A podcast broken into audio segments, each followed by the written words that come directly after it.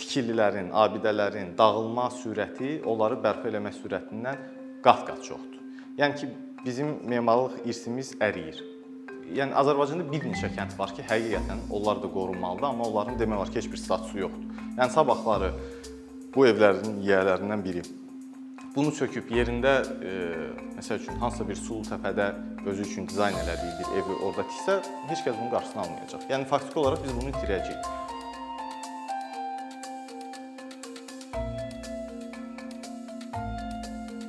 Bu şəhərləri sizcə birləşdirən nədir?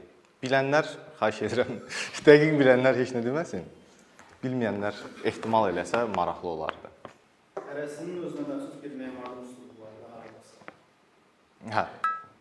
Başqa? Şəhər üslubu, şəhər kompleks memarlığı, məsələn, Xınalı, e, İlisu, Aha. Çox. E, hər iki cavab düzdür. E, daha dəqiq isə rəsmi cavab bunlar yaşanılan tarix memarlıq qoruğudur.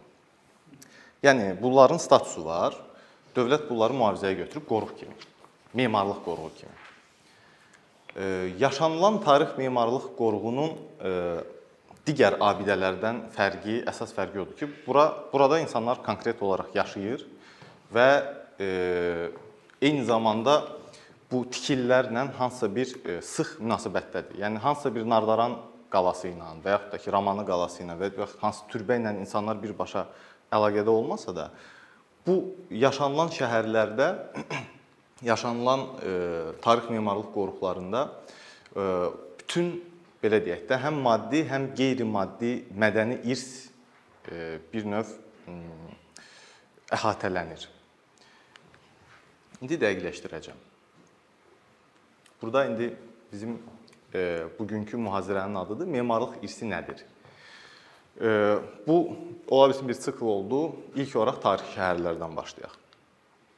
Azərbaycanda rəsmən 6308 abidə var. Yəni internetdə e, qoyulan, yəni rəsmi 132 nömrəli sərəncama əsasən e, bu sayda abidə var. 29 dənə tarix qoruğu var. 11-i yaşanılan tarix memarlıq qoruğudur, digərləri tarix, mədəniyyət və s. Onlar yəni atəşgah var. Məsəl üçün orada qoruqdur, amma orada heç kəs yaşamır. Ancaq məsələ bundadır ki, e, dövlət hansısa belə deyək də, e, tikililərə abidə statusu verir, hansılarasa vermir.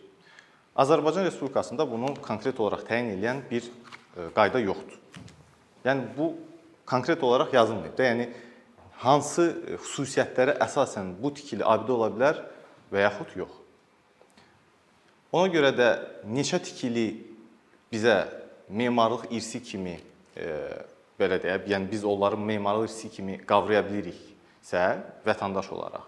Onların neçəsi rəsmi abidədir, neçəsi yox. Mən dəqiq məlumat deyə bilmərəm, amma təxmini bu faizin e, ölçülərinə baxıb e, o subyektiv e, qiymətləndirməni görə bilərsiniz. Ənənəvi xalq memarlığı. Bu yaşanılan qoruqlar eyni zamanda bütün e, belə deyək də, bütün dövlətlər, hər dövlət öz tarixi memarlıq ansambllarını çalışır qorusun. Burada bəziləri var. Məsəl üçün bu soldakı e, Qrats şəhəridir, e, Avstriyada. Məsəl üçün Qrats şəhərinin e, bu bu bu tikililərin, bu qoruqların hamısı UNESCO ərazisidir. Yəni ki, tək e, daxili qanunvericiliklə yox, beynəlxalq qanunvericiliklə də e, qorunur. Məsəl üçün Nəyə görə Qrats ora əlavə olunub? Ona görə ki, yəni belə yazırlar ən azı UNESCO-nun belə deyək də izahatında Habsburqlar və orta əsr Avropa şəhərinin bir nümunəsi kimi. Bir də Habsburqların e, belə deyək də aristokratiyasının yaşadığı bir şəhər kimi. Bu Siena şəhəridir, İtaliyadadır. Bu 13-cü, 15-ci əsrdə formalaşmış bir bu, bu şəhərin şəhər toxuması var və orta əsr İtaliya şəhərini belə deyək də nümunəsidir. Bu solda aşağıdakı Turaf şəhəridir. 15-ci 15-ci əsrdə salınıb. Ərəb e, belə deyək də e, memarlığının ərəb şəhər salmasının bir nümunəsidir. Sonra Safranbolu gəlir. Bu da Türkiyədə ticarət yolunun üzərində olan bir tarixi şəhərdir. Burada tacirlər olub və elə e, bir neçə əsr boyunca bu formada memarlıq e, sıx formada memarlıq orada yaranıb. Sağdakı isə Yaponiyadan nümunədir. Yaponiyadakı nümunə çox maraqlıdır, çünki birbaşa şəkli ilə əlaqəsi var. Məhz e, bu e, kənddə adı biraz çətindir. Shirakawa Go and Gokoyama belə yazılır.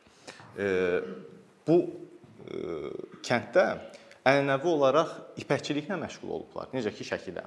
Və sırf ipəkçiliklə məşğul olması üçün bunların evləri də o ipəyi yedizdirmək, ondan sonra onu açmaq və digər ipəkçilik üçün istifadə olunan belə deyək də proseslər üçün uyğun uyğundur bu evlər. İndi keçək bizim e, bizim nümunələrə. Azərbaycanda hansı növ ənənəvi xalq memarlığı nümunələri var? Başlayaq Ordubaddan. Yəni Bakıda gəzəndə siz görürsüz ki, belə Ordubad meyvələri satırlar da. Niyə məhz Ordubad meyvələri üçün? Maraqlıdır. Üstəlik nəzərə alaq ki, Ordubadın iqlimi də çox sərtdir. Yəni yayda 40 dərəcəyə qədər qalxır. Yəni qışda hardasa mənfi 20-yə qədər düşür və susuzluqdur. Ancaq Ordubadlılar əsrlər boyunca meyvə becərmək, onu qurutmaq, calamaq və idxal eləməyi öyrəniblər. Yəni həm də satıblar.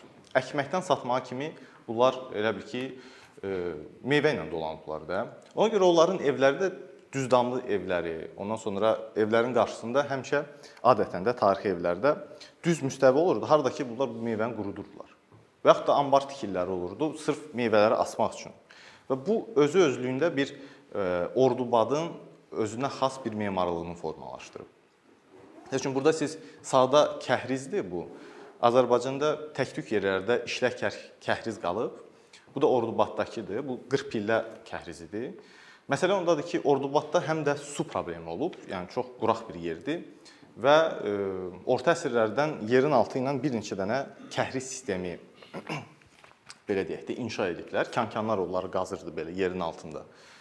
Və indiyənə kimi bu işləyir və sırf bu kəhrizlərlə onlar o məşhur Ordubad e, meyvələrini, e, bağ, bağlarını e, suvarırdılar. Ordubadın xüsusi e, xüsusiyyəti şəhər toxuması olaraq onun e, gildən, düzdamlı, taxta şəbəkəli və sıx küçələri e, sıx küçələri ilə ifadə olunur. Bu Ordubad həm də şərq şəhəridir. Ona görə burada tikilinin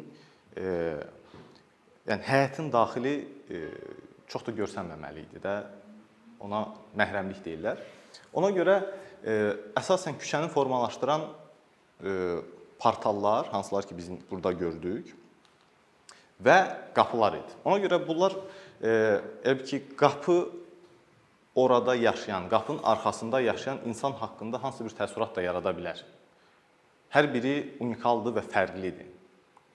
Yəni mən gəzdiyim çox da bir yer çox ölkədə olmamışam, amma bu tipdə, yəni hər bir elementi orijinal olaraq e, qapılarda qaldığını mən hələ ki görməmişəm. Yəqin ki var, amma bu bir xüsusi bir nümunədir.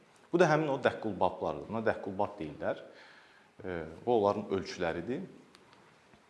Və bu da dəqqulbabların e, daha yaxından forması. Mən ehtimal edirəm ki, bu bilirsiniz, yəni insanlar ayrıca pul, sərmayə, vaxt ayırıb ki, bu dəqqulbabları düzəltsinlər. Ola bilsin ki, bu dəqqulbabın hər birinin fərqli e, səsi fərqli olurdu. Və ona görə e, kimin qapısı döyülürdü, onu səsdən insan, yəni ev sakini müəyyən edə bilərdi. Xınalıq. E, səhv eləmirəmsə Rasim Babayevin e, rəsmidir. Xınalığın e, bir stəkan formasında e, belə deyək də e, ruhunu burada e, əks etdirib. Yəni burdan görə bilərsiniz soldakı e, xəritədən ki, Xınalıq tamamilə e, bir təpənin başında e, inşa olunub. Bu da onun strukturudur. Aşağıda isə real fotodur. Niyə xınalıqlar yəni belə yaşayırlar? Bunu binanın belə deyək də xarici görkəmindən də rahat yəni tutmaq olar. Çünki bunlarda damlar düz olub, damları terras kimi istifadə ediblər və ümumiyyətlə yerləşdiyi yer e, terrasvari olduğu üçün, çox mailli olduğu üçün bir e, ev bir evin damı olursa evin həyəti kimi də ola bilərdi, yuxarıdakı evin. Üstəlik bunlar e, samanı yuxarıda saxlayırlar çünki heyvandarlıqla məşğul idilər. Hardasa bunları saxlamaq lazım idi. Həm üstdə saxlayırlar, həm də ki altda. Tikilinin altı isə tövlə kimi istifadə olunurdu. Bu o xınalıq evin kəsimləridir. Aşağı e, sol tərəfdə alt mərtəbəni görürsüz. Orada məsəl üçün görə bilərsiniz ki, tövlələr də fərqli fərqli heyvanların saxlanması üçün bölünüb. Tövlə e, yəni qoyunları ayrı saxlayırdılar, malları ayrı saxlayırdılar. Samanlıq da e, bir başqa otaqda idi. Yuxarıda isə e, siz görə bilərsiniz ki, e, tikililərin pəncərələri məsəl üçün çox kiçikdir, soyuq olduğuna görə iqlimi çox sərtdir. Və ümumilikdə damı saxlayan sütun, taxta sütun və onun onun üzərində belə deyək də taxta tirlər qurulurdu. İndiyənə kimi də bəzi evlərdə bu ənənəvi elementlər qalıb. Şuşa. Şuşa e, mən qısaca keçəcəm mövzuların üzərindən, çünki hər biri haqqında çox danışmaq olar. Ancaq biz ötəri keçək ki, nə qədər Azərbaycan memarlığı, ənənəvi memarlığı fərqli olduğunu qısa müddətdə görə bilək. E, Şuşa qala kimi formalaşıb, Qarabağ e, xanlığının paytaxtı və ilk olaraq e, bu xəritənin sağ tərəfində olan hissəsi e, yaşanılıb, ora salınıb və ikinci mərhələ olaraq e, o Şuşa platosunun bir e, pillə yuxarısına qalxılıb və orada 17 məhəllə formalaşıb. Daha sonra isə e, 20-ci əsrin əvvəllərinə o sarı e, qeyd olunan hissələr də tutulub və Şuşa öz inkişafında dayanıb. Ondan sonra Şuşanın e, belə deyək, e, inkişafında fərqli dövrlər oldu. 20-ci əsrdə Şuşanın başına çox işlər gəldi. Şuşada bir ev var, e, Zöhrəbəyovların mülküdür. Bu e, evdə Şuşanın e, ənənəvi memarlığında istifadə olunan demək olar ki, bütün elementlər bir fasadda görsənir. Və bu illüstrativ bir e, fasaddır. Yəni bina özü də bu formadadır. Siz burada görə bilərsiniz ki, məsəl üçün bu tikilinin hörgüsü, onun eyvanı, məsəl üçün daş tağları unikaldır və sırf Şuşaya məxsusdur. Nəyə görə Şuşa e, Şuşa memarlığı belə belə deyək də e, daha e, gözə gəlimlidir də belə deyək. E, ehtimal eləmək olar ki, e, Şuşanın öz e, əhalisi, yəni çox yaradıcı olub və onlar e, dövrün intellektualları olublar. Ona görə onların zövqləri də, yəni belə deyək, daha inkişaf etmiş olub, imkanları da olub və buna görə e, yerli aristokratiya e, öz evlərində fərqli-fərqli e, belə deyək, memarlıq elementlərindən istifadə edirdi. Bu Şuşanın bəzi tikililəridir. Bir çoxu müharibə vaxtı dağıdılıb, bəziləri qalıb, indi hansısa formada bərpa olunur. Bu Şuşa ilə bağlı. Lahaç. Lahaç haqqında yəqin bilirsiniz ki, bu yəni miskərlik e, vətənində Azərbaycanda. Ancaq məsələ tək miskərlikdə deyil. Çünki e, Lahacın 7 dənə meydanı var və hər meydanı e, fərqli məhəllələrin mərkəzidir və hər məhəllə fərqli bir e, belə deyək, e, sənətlə məşğul olub. Məsələn, tabaqçılar var idi, e, tacirlər məhəlləsi var. E, bunların hamısı öz e, mərkəzini formalaşdırıb. Bu ümumilikdə o e, Lahıcın belə deyək də ab-havasını yaradan şəkillərdir. Burada siz e, Lahıcın əsas meydanlarını görə bilərsiniz. Burada maraqlı fakt odur ki, burada qırmızı göstərilən bir yer var da belə buranı deyim. Adətən turist gələndə sırf bu hissəni gəzir. Yəni o Lahıcın məşhur, məşhur küçəsi. Ancaq e, Lahıc qoruğu və Lahıc özü daha böyükdür və əsas küçədə gör, gördüyümüz tikililər, gördüyümüz belə deyək, memarlıq ansamblı Lahıcın digər yerlərində də var. Sadəcə onu gəzib baxmaq lazımdır və hər bir meydanda da öz məscidi var. Bu həmin o məscidlərdir. Bu da ümumilikdə Lahıcda istifadə olunan hörgü üsulu. Lahıc seysmik yer olduğuna görə orada kətillər istifadə edirdilər ki, yəni zəlzələ olan vaxtı tikili tam dağılmasın. Yəni o antiseysmik kəmər e, funksiyasını yerinə yetirirdi. Və e, hətta məsəl üçün e, praktikada siz özünüz də görə bilərsiniz, e, lahıca getsəniz, e, bəzi hissələr e, divarın hansısa bir hissəsi söküləndə onu rahat e, o kətilləri bərkidərək sırf o hissəsini söküb yenidən tikmək olur. Çünki yük paylanır kətillər vasitəsilə. Bu da e, 80-ci illərdə e, hazırlanmış bir e, ənənəvi lahıc evinin e, aksonometriyasıdır.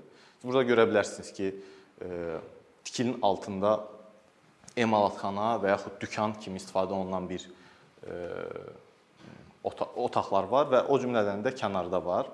Yəni e, lahıcılar e, həm satış, həm həm ticarət, həm e, e, sənətkarlıqla məşğul olduğuna görə onların həmişə bu tip e, küçəyə baxan ayrıca e, yerləşkələri olurdu. İlisu. İlisu bizdə Sultan e, İlisu sultanlığının mərkəzi olub və dağların yamacında belə sı- sığınmış kiçik bir paytaxtdır. İlisunu səhv salmaq çətin olar, çünki İlisunun məsəl üçün pəncərələri daha böyükdür. Ağ rəngdə niyəsə boyayırlar, səbəbini bilmirəm.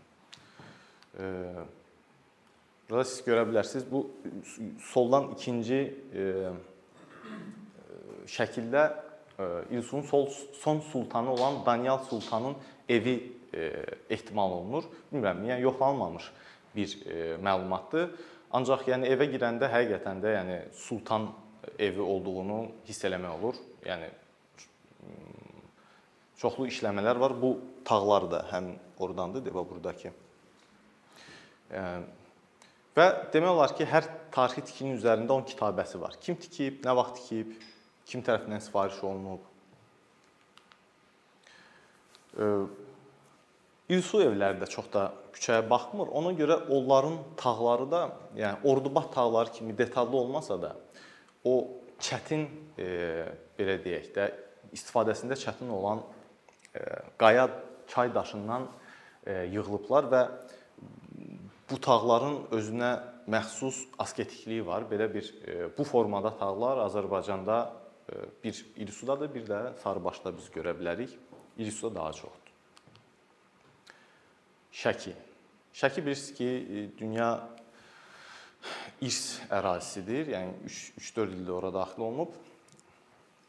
Şəkinin ora düşmə səbəblərindən biri Bax şəhər konsepsiyasına uyğun ol olmağıdır və e, ipəkçilik e, üzərindən qurulub. Yəni şəhərin iqtisadiyyatı ilk olaraq ipəkçilikdən başlayıb. Burada e, Şəki Şəkinin bəzi binaların elementləri var. Siz burada element bu eyvanı görə bilərsiniz. İşlən xüsusi diqqətlə işlənilmiş qapını görə bilərsiniz. Şəkini gəzsəniz, ümumiyyətlə Şəkinin fərqli məhəllələrini gəzsəniz, kim gəzib yəqin ki bilir. Çoxlu sayda maraq doğuran e, tikililər var. Bunların bəzilərinin şəkillərini mən e, yığdım bura. Bu tacir mülkləridir. Əslində Şəkinin e, ən belə inkişaf eləmiş dövrü düşür 19-cu əsrin sonu, 20-ci əsrin əvvəlinə. O dövrdə Şəki bütün Çar Rusiyasının əsas ipəkçilik mərkəzi idi və bu ipəkçilik ipəkçiliklə məşğul olan belə də iş adamları daha sonra onun ticarəti ilə də məşğul olmağa başlayırlar və e, tacir statusu alırlar, belə deyək. Və bu tacirlərin yəni belə imkanları geniş olduğuna görə bunlar başlayırlar özlərinə böyük imarətlər tikməyə. Bu imarətlər hələ də qalıb. Bir çoxu Sovet vaxtı e, yiyələrindən alınıb və e, belə deyək də hansısa bir inzibati funksiyalar verilir. Bəziləri məktəb olub, poliklinika, internat və s. xəstəxana. İndi onların bir çoxu atılmış vəziyyətdədir. E, yəni bunlarla bağlı dövlətin e, belə deyək də planları var bunları bərpa eləmək. Amma nəzərə almaq lazım ki, bunlar uzun müddətdə atılmış vəziyyətdədir və bunların bəzilərini e, daha qaytarmaq mümkün olmayacaq. Bəzi tikililər bayırdan tam öz konstruksiyasını qorumuş kimi görsənir. Ancaq e, ciddi problemləri olan tikililər də çoxdur. Tacir mülkləri çoxdur və bu yaxınlarda elə onların harca 40-ını 40-ına abidə statusu verildi. Hə, bunlarda danışmağın məqsədi. Biz bu bundan niyə danışırıq da? Yəni məqsəd nədir? Mənə elə gəlir ki, e, ənənəvi xalq memarlığı müasir Azərbaycan memarlığının mayasıdır. Yəni e, əgər hansısa bir ölkə, hansısa bir dövlət, hansısa bir struktur fərqi yoxdur.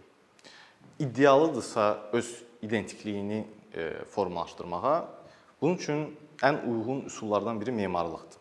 Yəni hər bir tiki, yəni kimsə evinə girəndə insan haqqında hansısa bir fikir formalaşdırma olur. Dövlətlər də elədir.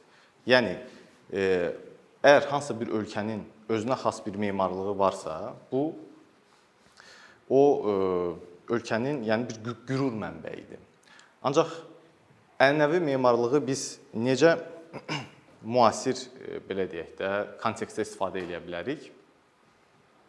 Sualı yaransa, bu e, belə deyək slayda baxa bilərik. Burada 5 dənə T hərfi yazılıb. Ərəb sözləridir. Ancaq e, kifayət qədər belə deyək də mövzuya aydınlıq gətirir. Biz həqiqi mənada ölkədə olan tarixi şəhərləri, ümumiyyətlə abidələri, ən əsaslı tarixi şəhərləri tədqiq eləməliyik. Bunun üçün sənədləşdirmə, daimi sənədləşdirmə aparılmalıdır. Pasportlaşma, inventarlaşdırma. Yəni Sovet vaxtı bu proses aktiv gedirdi. Düzdür, öz mənfi cəhətləri də var idi. Azərbaycan müstəqillik əldə edəndən sonra bu proseslərdə əhəmiyyətli dərəcədə e, zəiflik var, durğunluq müşahidə olunur. Tədris eləmək lazımdır. Məsələn, üçün mən Memarlıq Universitetində oxuyanda, yəni heç bir tarixi şəhər haqqında bu qədər əsaslı bir e, məlumat bizə verilmirdi və tanımırdıq və yəni sırf işimizlə və e, səyahətdə olduğumuz dövrdə məlumatları əldə etməyə başlamışıq. Düzdür. Sovet vaxtı e, dərc edilmiş, nəşr edilmiş bir neçə dənə maraqlı kitab var. O kitabları biz oxusaq kifayət qədər məlumat ala bilərik. 5-10 kitab var ki, hansılar ki, sırf xalq memarlığı haqqındadır. Yaxşı olar ki, e, yaxın müddətlərdə Azərbaycanın e, tarixi şəhərləri memarlıq kursu kimi tədris olunsun. Bu mövzuda formal olmayan konf konferensiyalar, simpoziumlar keçirilsin. Təhlil eləməliyik ki, yəni bu e, qoruqları biz necə saxlamalıyıq? Hal-hazırda Azərbaycan qanunvericiliyi qoruqda nə olar, nə olmaz haqqında konkret bir cavab vermir. Yəni qanunvericilik isla- islahatına ehtiyac var, çox ciddi. Əgər qanun qanunvericilik e, bizim belə deyək də hansısa bir cəhdlərimizə imkan vermirsə, deməli bu cəhdlər olmur. Yəni təməlində dayanır. Kontekstual memarlığı necə istifadə edə bilər? Yəni tarixi məkanlarda biz e, nəsə layihələndiririksə, yəni memarlar və yaxud sifarişçilər e, ərazinin e, kontekstini, ərazinin ruhunu, memarlığını, materiallarını, miqyasını hiss eləmək vacibdir. Bu da yenə gəlir tədrisə. Çünki e, tələbəni ilk illərdən e, şəhərin bir orqanizm olduğu və o orqanizmdə nəsə əlavə eləməyin məsuliyyətini e, çatdırmaq lazımdır. Təbliğat vacibdir. Kütləvi informasiya vasitələri ilə nəşrlər olmalıdır, sərgilər olmalıdır. Və tətbiq, yəni e, tikililəri bərpa eləmək lazımdır, adaptasiya. Ən vacibi odur ki, tikililər işləsin. Yəni boş qalmasın. Və yaxud da ki, bərpa eləyib e, hansısa bir, yəni sadəcə muzey, yəni nə qədər muzey ola bilər? Nə qədərsə lazımdır. Ancaq e, daha fərqli yöndə istifadələrə açıq olmalıyıq dövlət olaraq. Və tarixi şəhərlər, ümumiyyətlə, yəni sadalanmayan başqa bir şəhərlərin də hər birinin e, hər birinin memarlığına nəsə biz əlavə eləyiriksə, e, bu hansısa bir formada tənzimlənməlidir. Yəni sırf yəni ancaq hündürlük və sıxlıq tikinti sıxlığı əmsalı ilə biz heç vaxt şəhərləri e, şəhərlərin o belə deyək də obrazlarını qoruya bilmərik. Sadalananlar e, başlayandan sonra bununla bağlı dövlət proqramları daimi olmalıdır. Mənə elə gəlir ki, daimi olmalıdır. Çünki tikililərin, abidələrin dağılma sürəti onları bərpa eləmək sürətindən qat-qat çoxdur. Yəni ki, bizim memarlıq irsimiz əriyir. Belə. Öz e, təcrübəmdən bir neçə kəndin ilk öncə sağlanan e, tarixi şəhərlərə e, aid etmək istərdim. Yəni gələcəkdə yəni Azərbaycanda bir neçə kənd var ki, həqiqətən onlar da qorunmalıdır, amma onların demək olar ki, heç bir statusu yoxdur. Yəni sabahları bu evlərin yiyələrindən biri bunu söküb yerində e, məsəl üçün hansısa bir sulu təpədə özü üçün dizayn elədiyi bir evi orada tiksə, heç kəs bunun qarşısını almayacaq. Yəni faktiki olaraq biz bunu itirəcəyik. Yenə də biz qayıdırıq qanunvericiliyə. Bu Sarıbaş kəndidir. İlisudan e, İlisu şəhərindən, qəsəbəsindən e, bir 8 kilometr məsafədədir. Sarıbaşın həm bəxti gətirib, həm gətirməyib. E, məsələ bundadır ki, Sarıbaşa normal yol yoxdur və e, UAZ maşınları ilə getmək olur. Yolsuzluq maşını ilə. Və e, nə vaxtsa dövlət ora yol çəkəcək. O yol çəkəndə, yəni biz dövlət olaraq, cəmiyyət olaraq o sarıbaşı dağıdıb başqa bir, yəni ki, digər e, yeni e, qəsəbələr formasına salacağıqsa, onda heç nə, yəni poyuz getdi. Ancaq yol çəkilənə qədər biz gərək sarıbaşa hansısa bir status verək və sarıbaşı e, aktiv formada qorumağa başlayaq. Çünki e, təcrübə onu göstərir ki, harasa yol gəlirsə, insanlar başlayır müasir materiallardan çox istifadə etməyə. E, Tuğ e, kəndi var, Qarabağdadır. Bunun da özünə məxsus tarixi memarlığı var. Xocavənd rayonundadır və Sulut. Sulut da ki, Baskal kəndinin yaxınlığındadır və Baskal Lahıc memarlığının bir e, belə deyək də nümunəsidir. Bu qədər e, mövzu çox böyükdür, ancaq qısaca e, qısaca belə